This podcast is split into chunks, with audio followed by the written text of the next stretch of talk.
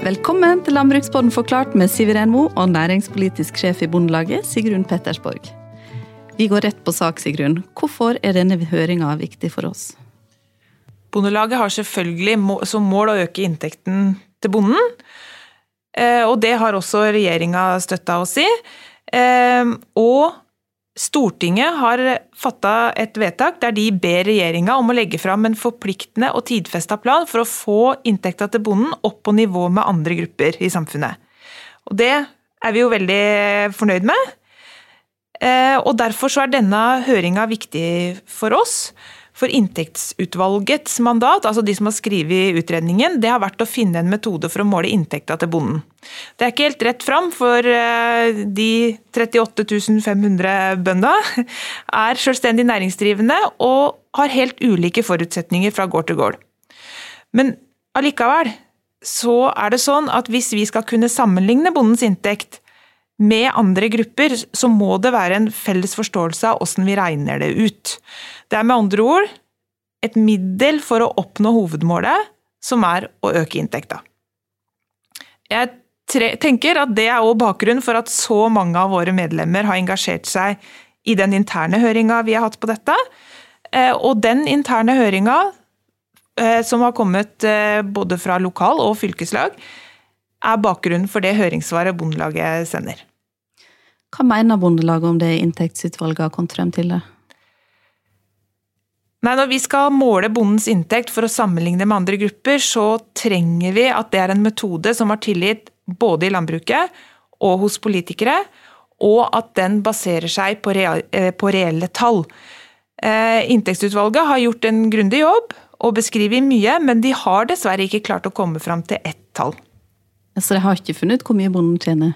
Nei, de har kommet et stykke på vei, men ikke helt i mål.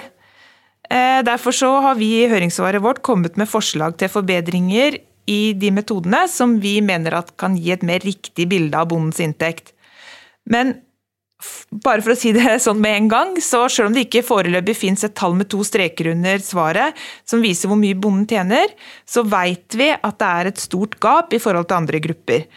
Eh, så jobben med å tette det gapet, det fortsetter jo, og det forventer vi at vi ser tydelig også under årets jordbruksoppgjør. Mm. Ja, det vil vi.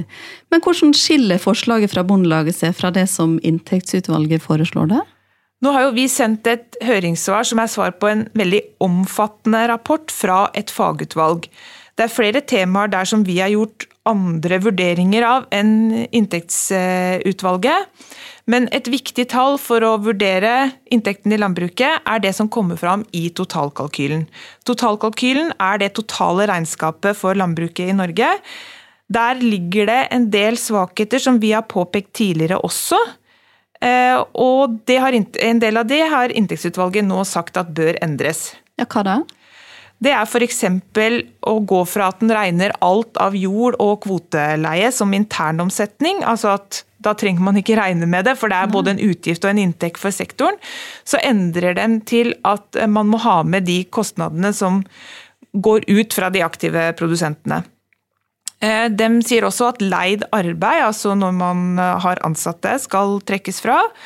Eh, at man skal bruke de nominelle rentekostnadene, dvs. Si det du faktisk betaler Eh, i rente, eh, i penger her og nå, eh, skal tas med, og at avskrivninger skal baseres på historisk kost.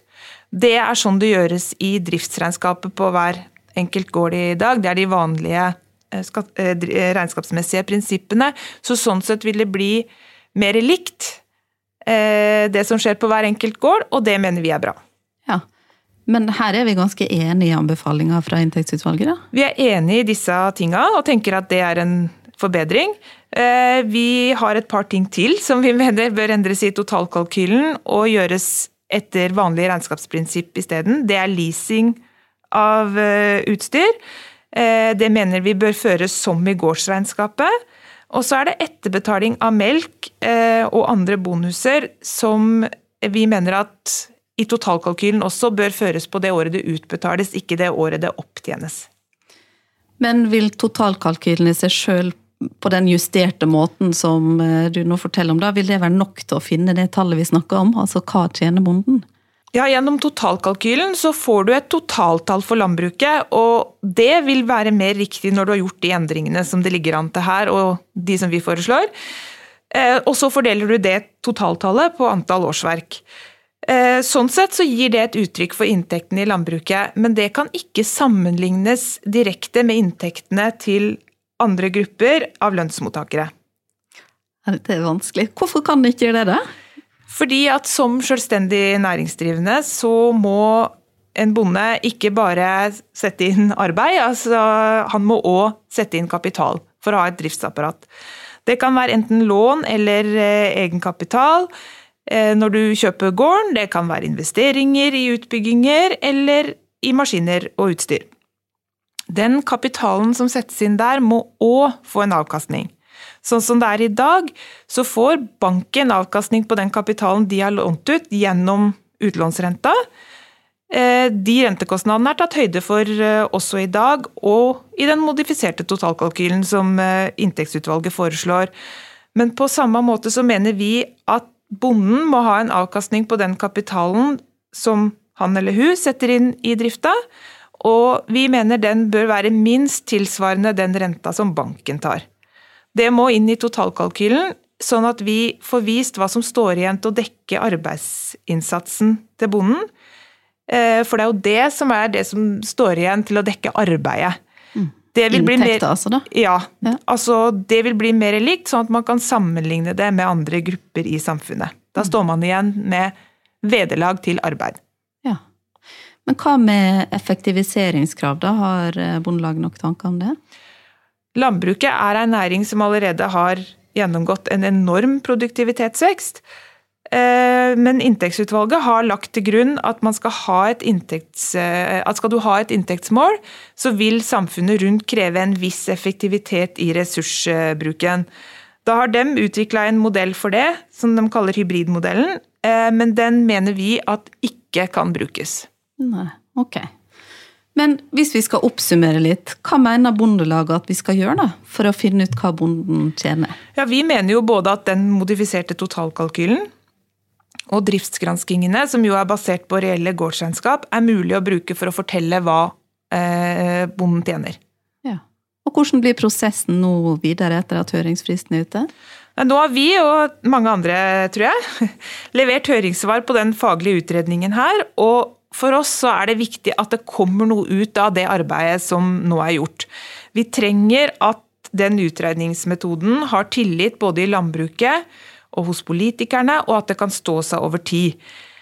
For De årlige jordbruksforhandlingene dem må handle om prioriteringer og politikk, og ikke om hvordan man regner ut bondens inntekt. Mm. Nå skal regjeringa eller Landbruks- og matdepartementet gå gjennom alle høringssvarene, og det kommer vi selvfølgelig til å følge tett videre. Eh, men for oss så handler det jo nå òg om å få på plass en opptrappingsplan for å øke inntekta til bonden, og ikke minst et godt jordbruksoppgjør til våren. For tallgrunnlaget, altså det grunnlaget som ligger til grunn for, eh, for forhandlingene, verken det vi har brukt hittil eller framtidas, det, det, det, det, står ikke i veien for en kraftig inntektsopptrapping også i, i vårens oppgjør. Det er politisk eh, handling som trengs, og det kan vi ikke vente på. Nei. Jeg tror vi runder av med det, Sigrun. Har du som hører på flere spørsmål, så kan du finne hele høringssvaret og pressemeldinga vår og en forklarende sak på bondelag.no. Du har hørt på Landbrukspodden forklart fra Norges Bondelag, en kortversjon av Landbrukspodden som gir deg rask oversikt over et tema.